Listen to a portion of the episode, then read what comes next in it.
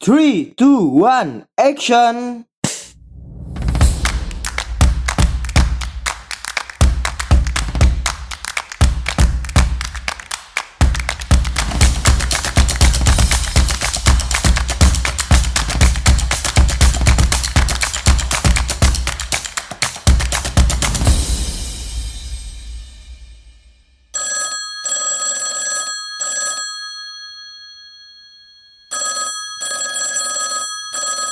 Halo, selamat datang kembali di Pod by MA, tentunya di program Anak Komunikasi.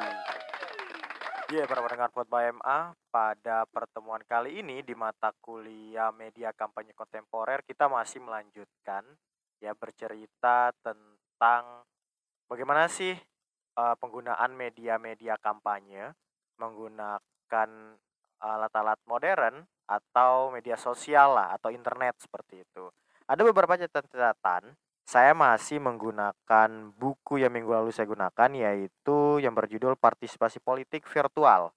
Demokrasi Netizen di Indonesia karya Dr. Insinyur Fayakun Andriadi Mkom. Nah, kalau pada pertemuan yang lalu kita membahas tentang Korea, kemudian India, kemudian kampanye politik yang digunakan oleh Barack Obama pada saat beliau mencalonkan diri menjadi Presiden Amerika Serikat, sekarang kita mencoba menggali tentang ini masih partai politik ini di sini.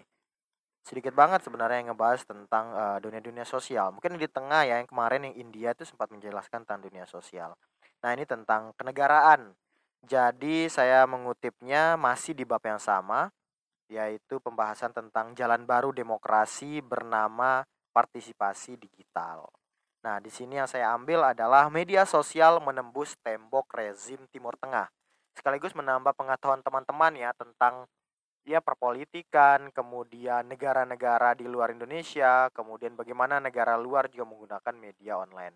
Jadi ini cukup menarik kalau teman-teman bisa memahami, paling tidak teman-teman memiliki pandangan yang luas tentang sebuah negara atau negara yang selain Indonesia menggunakan media internet. Oke langsung saja kita akan membahas tentang rezim di Timur Tengah.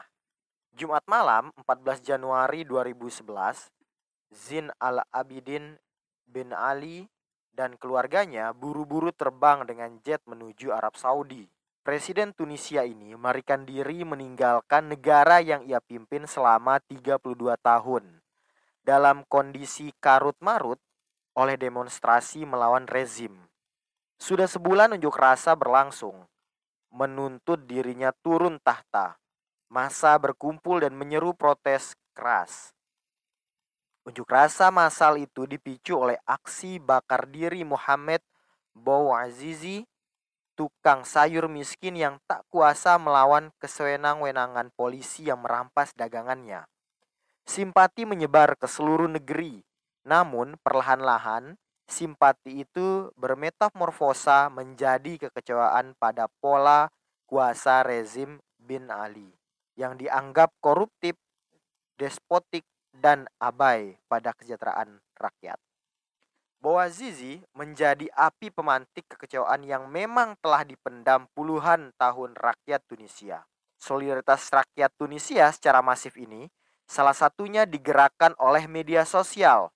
Ada Facebook, kemudian Twitter, blog, dan YouTube menjadi amunisi para demonstran untuk menggalang gerakan. Melalui semua media sosial tersebut, komunikasi dijalin, informasi dibagi, dan interaksi digalang. Berbagai opini digalang untuk menyatukan kata sepakat. Terjadi diskursus di media sosial untuk mencapai konsensus, yaitu gulingkan rezim bin Ali. Setiap ada kejadian di lapangan, langsung diunggah di media sosial agar bisa dilihat seluruh rakyat Tunisia dalam dunia. Video tindakan anarkis polisi kepada para demonstran disebarkan secara luas untuk menggalang dukungan. Peran media sosial sangat vital saat itu, tapi bukan satu-satunya. Media sosial membantu memasifikasi, juga membantu konsolidasi aksi protes. Dengan bantuan media sosial, Masifikasi dan konsolidasi tidak harus dilakukan dengan bertemu secara fisik. tapi bisa dijalankan melalui dunia maya. Ini mengefektifkan proses itu dari aspek waktu dan tempat. Unjuk rasa bisa berjalan lebih efektif karena tidak memerlukan waktu yang lama, tempat yang luas, atau biaya yang mahal. Media sosial memangkas ketiga item tersebut. Apakah Ben Ali diam saja melihat semua ini? Tidak. Ben Ali mengendalikan semua media konvensional seperti koran, radio, dan televisi. Ini persis banget ketika masa-masa tahun 98. Ya, masa-masa rezim Soeharto ketika ingin ditumbangkan, salah satu yang kuat itu adalah forum-forum yang ada di internet juga. Namun media-media konvensional seperti koran, seperti televisi itu dikuasai oleh Soeharto. Namun Soeharto sempat kelewatan waktu itu, tidak menyangka bahwa ada satu media yang itu mungkin ya masih baru gitu ya, tapi menjadi alat untuk menumbangkan waktu itu rezim Soeharto. Ben Ali, dia itu tidak cukup dengan hanya menggunakan koran, radio, dan televisi saja. Internet pun diawasi ketat. Website-website yang disinyalir memicu unjuk rasa diblokir. Situs jejaring sosial seperti Daily Motion dan YouTube juga diblokir di negaranya itu. Karena dianggap menjadi corong penyuara unjuk rasa. Tapi semua itu tak bisa membendung spirit revolusi. Melalui berbagai cara, demonstran berusaha memanfaatkan media sosial untuk menyuarakan revolusinya. Dan perjuangan itu akhirnya sukses. Ben Ali turun tahta. Tunisia memasuki corak politik baru. Ini disebut sebagai revolusi media sosial pertama di Timur Tengah.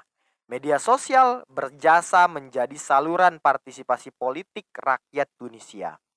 Media sosial juga membantu menghubungkan berbagai lapisan masyarakat di Tunisia.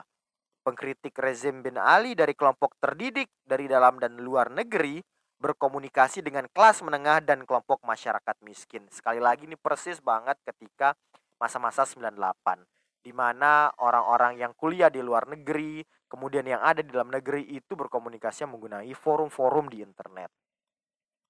Tapi aksi protes bisa menyebar dengan cepat karena di Tunisia sudah ada organisasi non pemerintah dan jaringan aktivis. Menurut Richard Hicks dari University Manchester, teknologi informasi seperti media sosial bisa mendorong gerakan demokrasi dan sosial. Tapi tanpa fundament masyarakat sipil tidak akan muncul gerakan demokrasi. Nah, ini dikutip dari www.diwi.com. Kejadian revolusi Mesir juga serupa dengan Tunisia. Media sosial memainkan peran yang cukup penting. Begini kisahnya. Khalid Said, pemuda berusia 28 tahun, seorang aktivis media sosial, membangun kesadaran publik melalui halaman Facebook. Ia menayangkan kediktatoran pemerintahan Mubarak. Sebanyak 470 ribu penggemar mendukungnya. Nasib Said nahas Rezim Mubarak tak terima dengan kritisismenya. Ia dibunuh, tapi justru inilah awal kesuksesan perjuangan Said. Tayangan video pembunuhan Said memicu emosi publik Mesir. Sebanyak 500 ribu page view membanjiri dalam sekejap. Wael Gonim, aktivis media sosial lainnya, menggantikan posisi Said. Ia menjadi administrator anonim, mengendalikan halaman Facebook di hari Dubai. Di laman Facebooknya, Gani menulis, Aku rasa segera kita akan balik halaman, menuliskan dengan pena sendiri sejarah kita sendiri dengan tangan sendiri.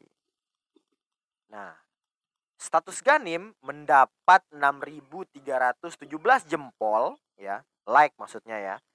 2077 komentar dan dilihat 1.244.267 kali.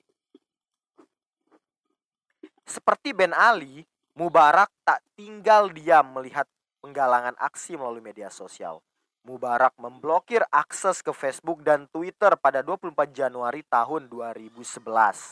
Mubarak lupa bahwa semakin orang dilarang memakai jejaring sosial akan semakin merapatkan barisan untuk turun ke jalan.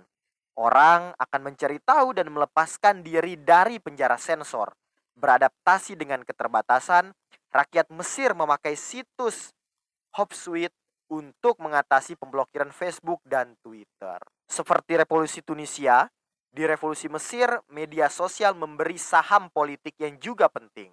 Saat kontrol rezim kuat, media sosial menjadi alternatif bagi rakyat Mesir untuk menyuarakan kritisismenya.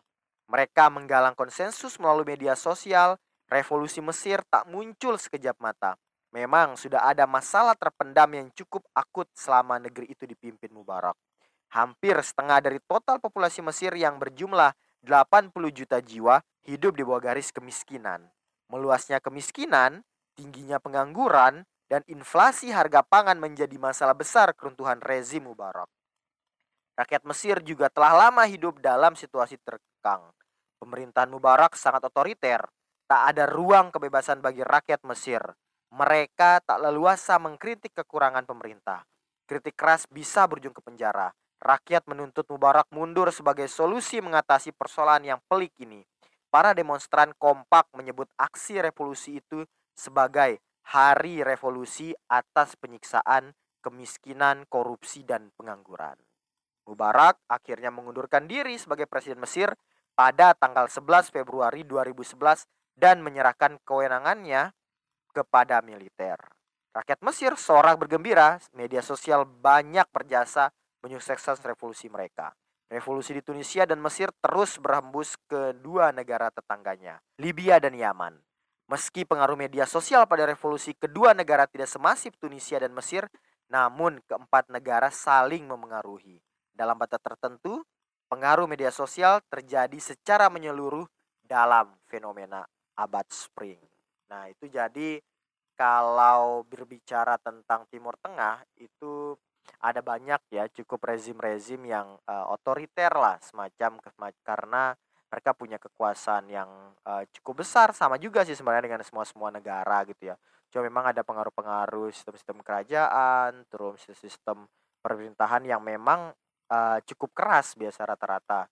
Nah, ini menjadi salah satu euforia masyarakat ketika menggunakan media sosial itu mereka bisa melihat, bisa menilai atau istilahnya itu watchdog lah ya. Jadi sekarang itu dulu media itu adalah sebagai watchdog. Sekarang orang yang menggunakan media, kalau dulu itu kan media itu terbatas si produksinya.